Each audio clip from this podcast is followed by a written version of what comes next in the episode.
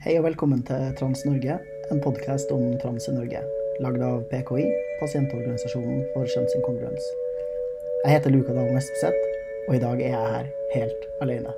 Som du kanskje har fått med deg, så heter episoden Er jeg trans? Og det er jeg definitivt. Men spørsmålet her i dag er om du er trans. Jeg er nødt til å begynne med en skikkelig kjedelig disclaimer. Jeg kan ikke vite om du er trans. Mora di kan ikke vite om du er trans. JK Rowling kan ikke vite om du er trans. Og dem som jobber på Riksen i Oslo, kan heller ikke vite om du er trans. Det finnes ingen test, ingen sikre tegn, ingen perfekte spørsmål som forteller med sikkerhet om du er trans eller cis. Til syvende og sist er det du og du alene som sitter med fasiten her. Så da lurer du kanskje på hvorfor jeg i hele tatt gidder å lage denne episoden. Vel, jeg vet hvor overveldende det kan være å sitte med de her tankene og avgjørelsene helt alene. Eh, Og jeg tenker at det kan være nyttig med noe innspill til deg som prøver å finne ut av om du er trans eller om du er cis. I tillegg så har jeg snakka med ganske mange transfolk i mitt liv, og hørt deres historier om hvordan de fant ut at de var trans, og hva det var som gjorde dem sikre, og hva det var som gjorde dem mindre sikre. Selv om jeg har en tendens til å bli veldig glad når folk kommer ut som trans, så har jeg ikke noe ønske om å overbevise mennesker som egentlig er cis, om at de er trans. Jeg blir glad når folk kommer ut som trans, fordi jeg vet at det gjør mennesker godt å få leve fulle og autentiske liv. Det her skjer selvfølgelig bare fordi jeg sitter og venter i spenning på å bli høvla ned av 2000 transfober som skal fortelle meg at jeg forsøker å manipulere unge cis-personer til å tro at de er trans. Jeg lover dere, det er ingen hemmelige beskjeder her. Ingen skummel lyd som blir 'du er trans, du er trans' om du spiller det baklengs. Så alle sammen også helt trygge, denne podkasten kommer ikke til å gjøre deg trans. For cis-folk er det ofte veldig lett å forklare hvorfor de er og skjønner de er. Hvis du spør dem om de er kvinne eller mann, så svarer de casually mann eller dame, litt ettersom. Hvis man spør cis-folk litt videre hvorfor de er kvinner eller menn, så har de ofte ikke engang tenkt over spørsmålet. De kan finne på å si ting som, som 'sånn er det bare'. Om du presser dem litt mer på hva som faktisk er grunnen til at de er cis, eller at de er kvinner eller menn, så sier de ofte at det er pga. hvordan tissen deres ser ut. Vi har lagd et eh, samfunnssystem der vi tror at tiss equals hvem du er her i verden. Så når cis-folk sier 'jeg er mann fordi jeg har penis', eller 'jeg er kvinne fordi jeg har vulva', så gir det tilsynelatende mening. Transpersoner har ikke den samme muligheten til å bruke tissen som argument. Eller altså, vi kan, men folk forstår ikke hva vi mener. Jeg mener at jeg godt kan si at jeg er mann fordi jeg har en vulva. For meg er det akkurat like logisk og gir like mye mening som den idiotiske setningen 'jeg er mann fordi jeg har penis'. Men all den tid vi lever i et cisnormativt og transfobt samfunn, så kan ikke transfolk bruke kroppen som argument for vår identitet. Så hva gjør du da når du skal forklare til en venn eller til en behandler på Riksen at du er et annet kjønn enn det du ble registrert som ved fødsel? Når du ikke kan bruke tissen som argument, så tyr du til andre kjønnsmarkører. Markører som er skjønna på samme sosialt konstruerte måte som genitalia, eh, men som cis-folk også anerkjenner som sosiale konstruksjoner. Hvis dere har lyst til å høre mer om sosiale konstruksjoner, så snakker jeg og Alexander en del om det i episoden som handler om biologisk kjønn. Typiske andre kjønnsmarkører kan være å si jeg er kvinne fordi jeg likte å leke med dukker som barn, eller jeg er gutt fordi jeg liker å kysse jenter og klatre i trær. Det er selvfølgelig ikke sånn at du er kvinne fordi du eh, likte å leke med Barbie da du var liten. Mange transfolk er både mer og mindre kjønnsstereotyp i sine kjønnsuttrykk. Det er selvfølgelig Altså, jeg vet ikke helt hvor masse det er tallmessig, men det er nok en overvekt av transfolk som har blitt lest eller forstått som kjønnsoverskridende som barn. Så er spørsmålet er det derfor vi er trans? Nei, selvfølgelig ikke. For på samme måte som for cis-folk, så kan transfolk være både feminin og maskulin i varierende grad. Det er også sånn at mange, både cis-folk og transfolk som er kjønnsoverskridende av natur, ikke har mulighet til å leve ut det her, eller velger å la være pga. ytre påført skam eller internalisert skam. Internalisert skam er når du tror på at det burde vært annerledes, fordi samfunnet hele tida forteller deg at det burde vært annerledes. Pga. alt det her så gir det ikke mening å si at man er trans fordi man har likt ditt eller datt som barn.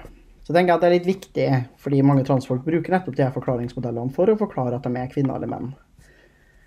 Det mener jeg oppriktig at det ikke er transfolk sin skyld. Det er ikke vi som har ansvaret når vi reproduserer stereotype ideer om femininitet, maskulinitet, mannlighet og kvinnelighet. Det som skjer hos oss, er en respons på et samfunn som ikke tror oss, og som nekter å lytte når vi forteller hvem vi er.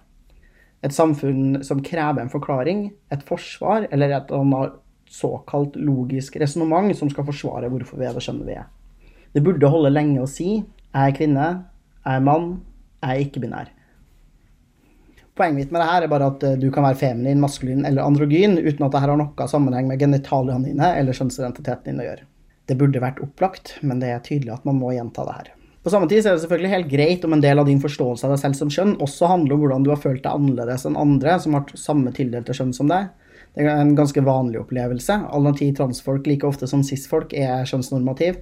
De fleste menn er relativt maskuline, og de fleste kvinner er relativt feminine. Så for majoriteten av binære transfolk vil det ofte stemme at vi opp gjennom livet har blitt lest som kjønnsoverskridende, altså at vi har hatt typiske feminine eller maskuline trekk som har vist seg på en annen måte. Så er det også sant at ganske mange cis-folk som er seksualitetsskeive, eller eh, også for cis-hetero-folk, at de i varierende grad kan ha vært kjønnsoverskridende som barn. Det er altså ingen fasit der, men det er lov å tenke på hva slags interesser og ønsker man hadde som barn og ungdom. Det er i hvert fall en del av det bildet som gjør deg til den du er. Når man er i den situasjonen at man lurer på om man er trans, så har det en tendens til å bli eh, ganske store og dominerende tanker for de fleste av oss. Og det er ofte sånn at man ikke bare tenker hm, er jeg trans eller ikke, men man tenker også tanker som alle kommer til å le av meg, kjæresten min kommer til å gå fra meg, jeg kommer aldri til å bli elska, jeg kommer ikke til å få barn, jobb, venner osv. Eller man kan tenke faren min kommer til å banke meg. Det jeg tenker at du skal gjøre nå, er å legge bort de tankene for et øyeblikk. Drit også i tanker av typen er jeg kvinne eller ikke-binær? Hva skal jeg hete? Når skal jeg komme ut, og hvordan? Hva slags kjønnsbekreftende behandling, om noe, skal jeg ta? Alt det her kommer du til å finne ut av. Alt det her løser seg. Men akkurat nå, som første oppgave, skal du finne ut av om du er trans. Alt det andre tar du etterpå. Bryte ned til så små og overkommelige spørsmål som mulig, så slipper du å bli overvelda Historisk sett så har det å oppleve kjønnsdysfori, altså ubehag og plager som følge av at det er en mismatch mellom din kjønnsidentitet og det kjønnet du blir tildelt ved fødsel, vært et kriterium for å få kjønnsbekreftende behandling. Det har også ofte vært et sosialt kriterium hvor folk ikke har villet anerkjent transpersoner som ikke opplever dysfori. Så før jeg går nærmere inn på dysfori, så vil jeg bare si det er ikke et krav fra meg fra verden, fra transfolk generelt, eller i diagnosemanualer at du opplever dysfori for å være trans. Det holder at du tenker, føler og mener at du er det. Jeg har ofte prøvd å forklare hvordan dysfori kjennes ut, og jeg har lytta til ganske mange andre transfolk også som forklarer hvordan dysfori kjennes ut. Det er en ganske vanskelig følelse å beskrive, og det varierer også hvor mye dysforisk forskjellige transfolk er, hvis man er det i det hele tatt og hvordan den dysforien arter seg. Men det kan altså ofte være en følelse av håpløshet, en følelse av hat eller sterkt ubehag, eller bare en sånn øh, følelse i kroppen knytta til enkelte skjønna aspekter ved din kropp. Det kan være responser som at det er ekstremt ubehagelig når noen bruker et gitt pronomen om det, det kan være angsten for at folk skal se at du har mye fett på brystkassa når du går ut døra. Det kan være ubehaget og frykten du føler når du får ereksjon som du skulle ønske at du ikke fikk. Det kan være ekstrem angst forbundet med uh, å tenke på at man skal, er på vei inn i en pubertet, eller det kan være et nesten kvalmende ubehag ved å ha menstruasjon. For noen transfolk så er dysforien så altoppslukende og sterk at man uh, sliter med å gå ut døra, at man sliter med å være intim med andre mennesker. Noen er også så dysforisk at det å skulle dusje eller ta vare på sin egen kropp på en god måte blir veldig vanskelig. Dysfori kan også gi seg utslag i selvfølgelig sosial angst, men også i selvskading og destruktiv atferd overfor egen kropp, som f.eks.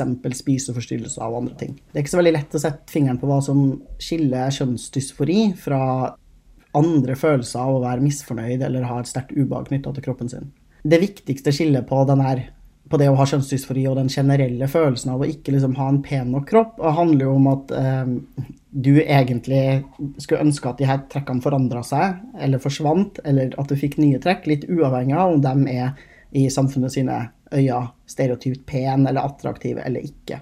I tillegg så er det verdt å legge merke til om du har negative følelser retta mot skjønna deler av kroppen din, eller skjønna deler av andre deler av kroppen din, eller om det bare er et generelt hat mot hele din kropp. I tillegg så er det sånn at man kan oppleve å ha en, eh, i samfunnet sine øyne, helt irrasjonell følelse av at en kroppsdel eller utseendet på en kroppsdel er fullstendig feil. Det kan f.eks. være ekstremt eh, opptatt av at du mener at nesa di er helt utrolig stygg. Hvis det er sånn at din nese faktisk helt objektivt sett er innafor normalen, og du heller ikke tenker at det her med nesa di har noe med hvorvidt du er kvinne eller mann eller noe annet å gjøre, så tenker man at det her ikke er kjønnsdysfori, men en annen form for kroppslig dysfori. Hvis det først har seg sånn at du opplever dysfori, så kan det være lurt å prøve å finne ut av om den dysforien i overvekt er sosial eller kroppslig. For de aller fleste så er det en kombinasjon. Men det er altså da verdt å tenke på når er det du synes det er mest problematisk å ha fett på brystkassa. Er det når det fettet fører til at du blir feilskjønna, eller at folk behandler deg på en gitt måte? Eller opplever du det ubehaget også når du er alene? Det er ikke sånn at hvis du opplever det her når du er alene, så betyr det at du har ekte dysfori og de andre ikke har, men det er, eh, kan være lurt å tenke på. Og da kan man gjerne se for seg sånn her Hvordan oppleves dysfori når du er alene? Hva hadde du følt om de her kroppsdelene hvis du befant deg på en øde øy, litt uavhengig av samfunnet og alle andre rundt deg? Så skal jeg stille et spørsmål. Hvis du kunne trylle, du har en tryllestav Du kan gjøre hva du vil med kroppen din og måten mennesker forstår deg på, omtaler deg på, og hva du blir kalt av andre. Det får ingen reaksjoner fra omverdenen på det, verken positive eller negative. Det bare skjer over natta, og ingen kommer til å huske at det noensinne har vært annerledes enn det det er i morgen tidlig. Hvordan ville verden sett ut da?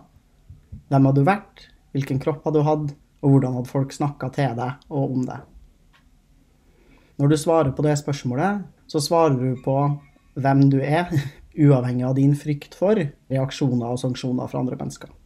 Det er heller ikke sånn at du nødvendigvis er trans hvis du skulle ønske at du våkna i morgen som noe annet enn det folk forstår deg som i dag, men det kan være en ganske god pekepinn. En annen ting som jeg tenker at det kan være lurt å tenke på, er hvor mye tid, hvor mye av din våkne tid bruker du på å tenke på om du er trans eller ikke? Bruker du mer tid nå enn det du gjorde før? Er det sånn at du i perioder av livet ditt har brukt masse tid, mens du i andre perioder ikke bruker mye tid på det? Er de her tankene påtrengende og slitsomme, altså fyller det deg med sorg, ubehag, følelse av depresjon, og avmakt eller andre typer ting når du tenker på det? Er det ødeleggende for livet ditt eller går ut over din generelle psykiske helse og din evne til å fungere i hverdagen?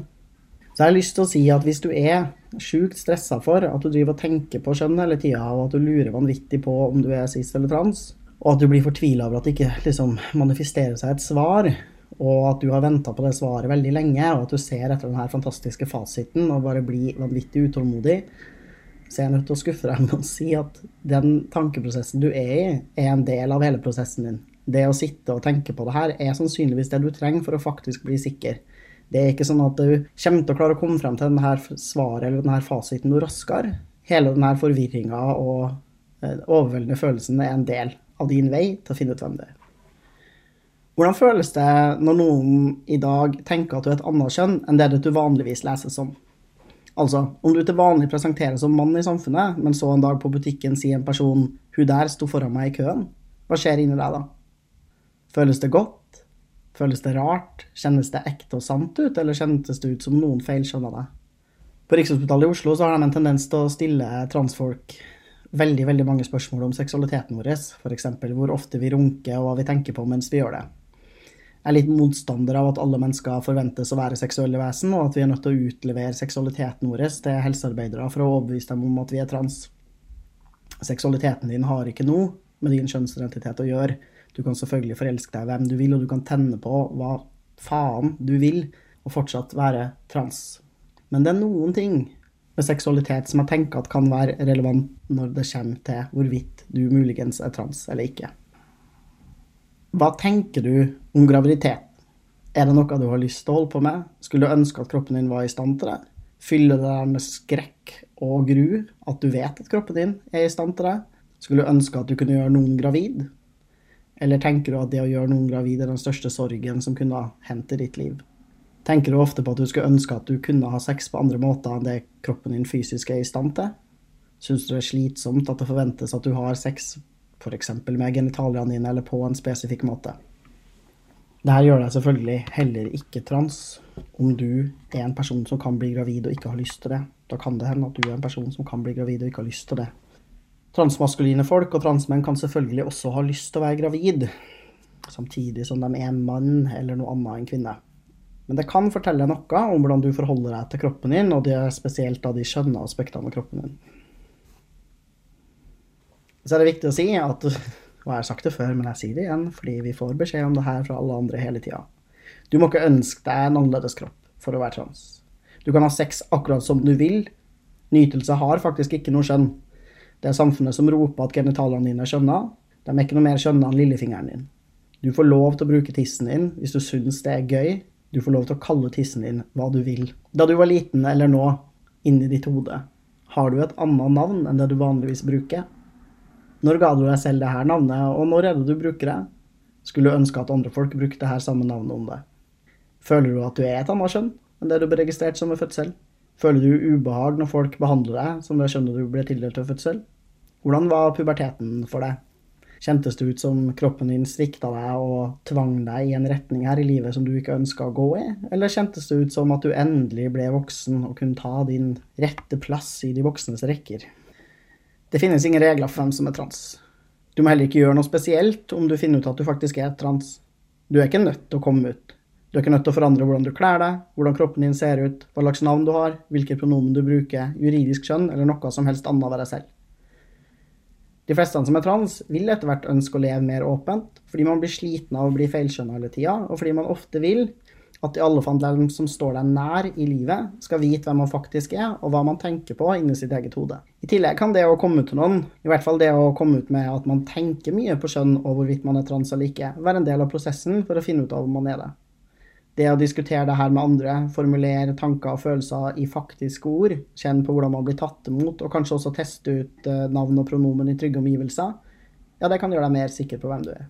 Så om du finner ut at du er trans, da kan du forholde deg til alle spørsmålene som klær, sminke, hår, navn, juridisk skjønn, presentasjon, hvem du skal komme ut til, når og hvordan, hva slags behandling du ønsker, hvis du ønsker noen, hvilken type behandling, og hva du skal starte med. Lag deg en ønskeliste, lag deg en plan og begynne i en ende. Dette er en prosess. Totalt så ser alle skrittene i denne prosessen helt uoverkommelige ut, men du kommer deg gjennom det, skritt for skritt. Og for hvert skritt du tar, jo sikrere kommer du til å bli. Og hvis du noen gang føler at du har tatt et skritt i feil retning, eller et skritt for langt, så kan du gå tilbake. Ekstremt mange av de tingene man gjør for å bekrefte sitt eget kjønn, både medisinsk og sosialt, er helt eller delvis reversibel. Tillegg så kan du nok, som ganske mange andre, oppleve at dine ønsker og behov endrer seg over tid. Jeg kjenner i hvert fall ganske mange transfolk som når de først har kommet ut, har vært sykt gira på å få all kjønnsbekreftende behandling som finnes i hele verden så er det sånn at når vi lever livene våre, blir lett som riktig kjønn og finner ut mer av hvilke konsekvenser en del behandling faktisk har, så er det en del av oss som vurderer det dit hen at det er bedre å leve med den kroppen jeg har nå, eller med de her endringene og uten andre. Det er noe du er nødt til å finne ut av sjøl. Test ut hvem du er med vennene dine. Ta på deg de klærne du faktisk har lyst til å ha på deg. Bruk sminke eller la være. Bli omtalt med et gitt navn og et gitt pronomen. Bare test ut. Du skader ikke deg selv eller verden ved å utforske identiteten din og uttrykket ditt. Det er både sunt og fint. Det er en fin måte å bli trygg på seg selv og finne ut av hvem man er. Jeg vil anbefale at om du sliter med tanker rundt egen kjønnsidentitet, eller bare syns at det er artig å tenke på ting rundt egen kjønnsidentitet, så finnes det en nettside som heter ichatten.no. Her kan du snakke med folk som har spesiell kompetanse på kjønnsidentitet og trans, om hvem du er og eventuell medisinsk behandling. Hvis du er medlem i PKI, så har du også tilgang til en lukka Facebook-gruppe hvor du kan diskutere de her spørsmålene med andre transfolk. Jeg anbefaler generelt at du ser filmer, leser bøker og snakker med folk som er trans, eller som har lurt på om de har vært det i perioder av livet sitt. Du er helt unik, og ditt liv er ikke helt likt andre sitt liv, men det å kunne speile seg og finne trygghet og gjenkjennelse hos andre er fint og positivt. Det betyr ikke at du blir smitta av trans via internett. Jeg lover. Ikke farlig.